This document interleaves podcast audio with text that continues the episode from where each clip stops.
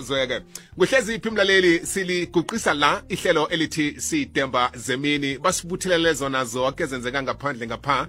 Mbala kubonakala ngasikuhle ngehlangothini lange-gauteng eh, ejohannesburg eh, jabulani mall eh, kulapha kubonakala khona umsikinyeko omkhulu wokubuthwa eh, nokuzitapela kwezinto nepahla yentolo. Eh kubonakala kuhamba babanjwa abantu. Kunenye tweet engiyibonileko ethi ingakhani abantu ababotshwa kwaba? Bachingiswaphi bachingiswa entweni esithi lijele namkha bachingiswa ku-correctional service. Correctional service kula kuvuselelwa khona isimilo umuntu usuyokuneswa lapho eh yokuba ne-breakfast abe abe ne-lunch abe ne-dinner. Eh ingakhani ngibo ubulungiswa lobo na? Mbuzo omkhulu eh abantu abaku-twitter abayiqoqako ngalesi sikhathi. Lento enye engibonileko ngethi ngakhani abantu aba sebafe ivalo kangaka na? Abasasabi nomthetho.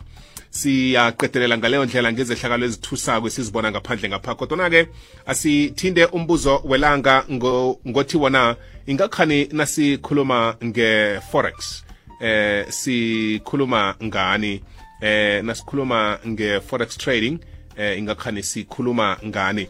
Ngilungisa ipendulo yesithekeli sethu lapha engifuna ukuthi ke sithina naye. Kumxolisi wakwamashilane eh umxolisi uya uyayenza i-trading eh begodwa ke nguye ozosinikela ipendulo enembileko abaningi bayafuna ukutrader eh nge-forex begodwa ke fanele bazi ukuthi nasikhuluma nge-forex sikhuluma ngani? Mxolisi siyakwamukela mfana omdala. Siyathokoza ukuba nathi ehlelweni sidishile Eh yechebo bo David.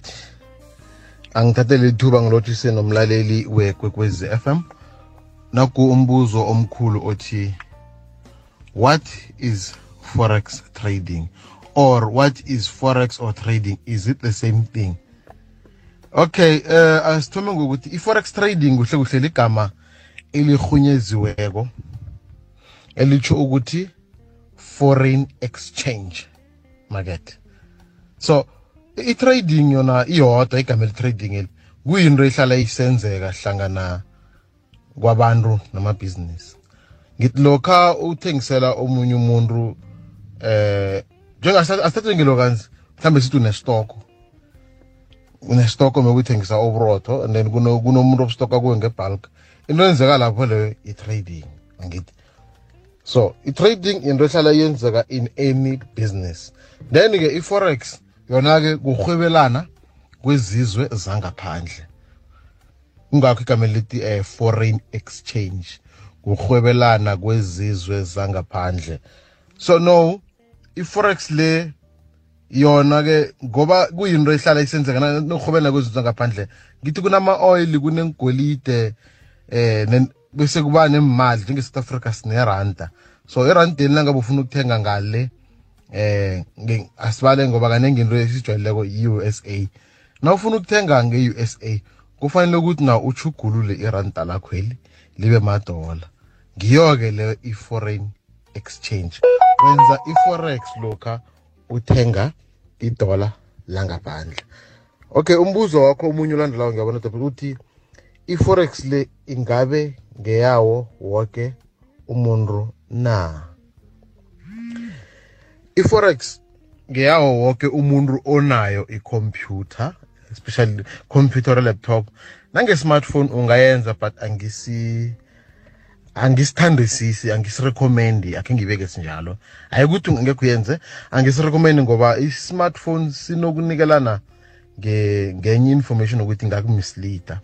So umuntu one-laptop and okwazi ukuyiberegisa namtshana ikhompyutha okwazi ukuyiberegisa abuye azwisise nelimo likageorge ngoba ilimo likageorge eli abanye abanokubetshwa ngilo.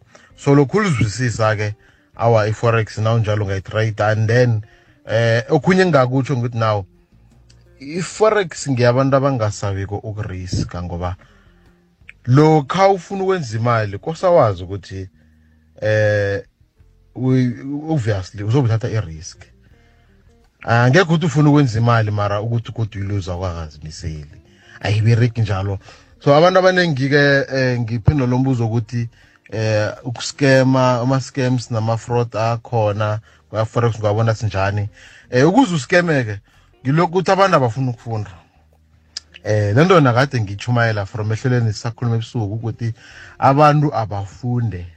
Unga-invest and ongayizwisisiko ufunda uzwisise makanze kungakho babaqeda egameni le-bitcoin nele-forex. Ngoba yini? Zonke into zenzeka online zidinga i-laptop computer namtshana i-smartphone.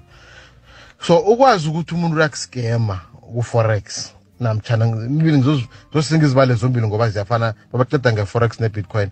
Ukwazi ukuthi umuntu askema umuntu angathi kuwe letha i-3000 rand i-3000 leyo izoba i-9000 or 15000 rand ngeveke. Ayikho into enjalo mlaleli baleka ayikho into enjalo. And ukuthi bani ukuthi akuskema umuntu wakho unokulwa kulandelela uh, especially lapha ku-social media uzokuza ku-inbox yakho eh abantu abaningi baceda ku-facebook naku-instagram uzokuza ku-inbox yakho and baberekisa nenithombe abanye ekungasizo zabo. Umuntu wakhona kutshela ukuthi yabona nginemali ngihlala kuphi nasendlu yami nasikolo yami. Mamanga abantu abafuna imali yakho ngoba cala musi eh angekho wathi unemali yokuloko uhlala u-inboxana abantu. Usithathaphi isikhathi eso? Angekhe ni. So ama-scamers ubona ngalokho uzoku-inboxa.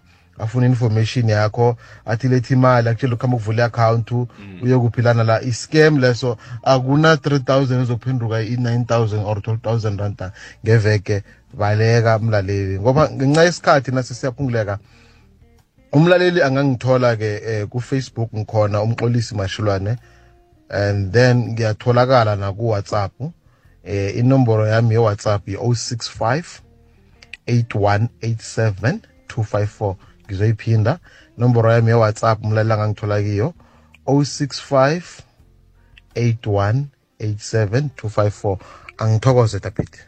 Thokoze mina mxo eh ube nemini emnandi mfana mdala ngithokoza ipendulo sinikele yona. Mlaleli ngiyo ipendulo. Nakhulunywa nge-forex eh kukhulunywa ngokuhwebelana ngemali zangaphandle. Uthenga imali yangaphandle ngemali onayo kodwana-ke ngithande egqineni nakathi ungafuni ukuba nehlizwe ede batsho i-3000 izaba yi-9000 namkha 12000 ngeveke. Thokozile eh mxo sihlabela phambili lihlelo sitishile ungabanjwa mnyama kukhanye kukhona kukhanya ba.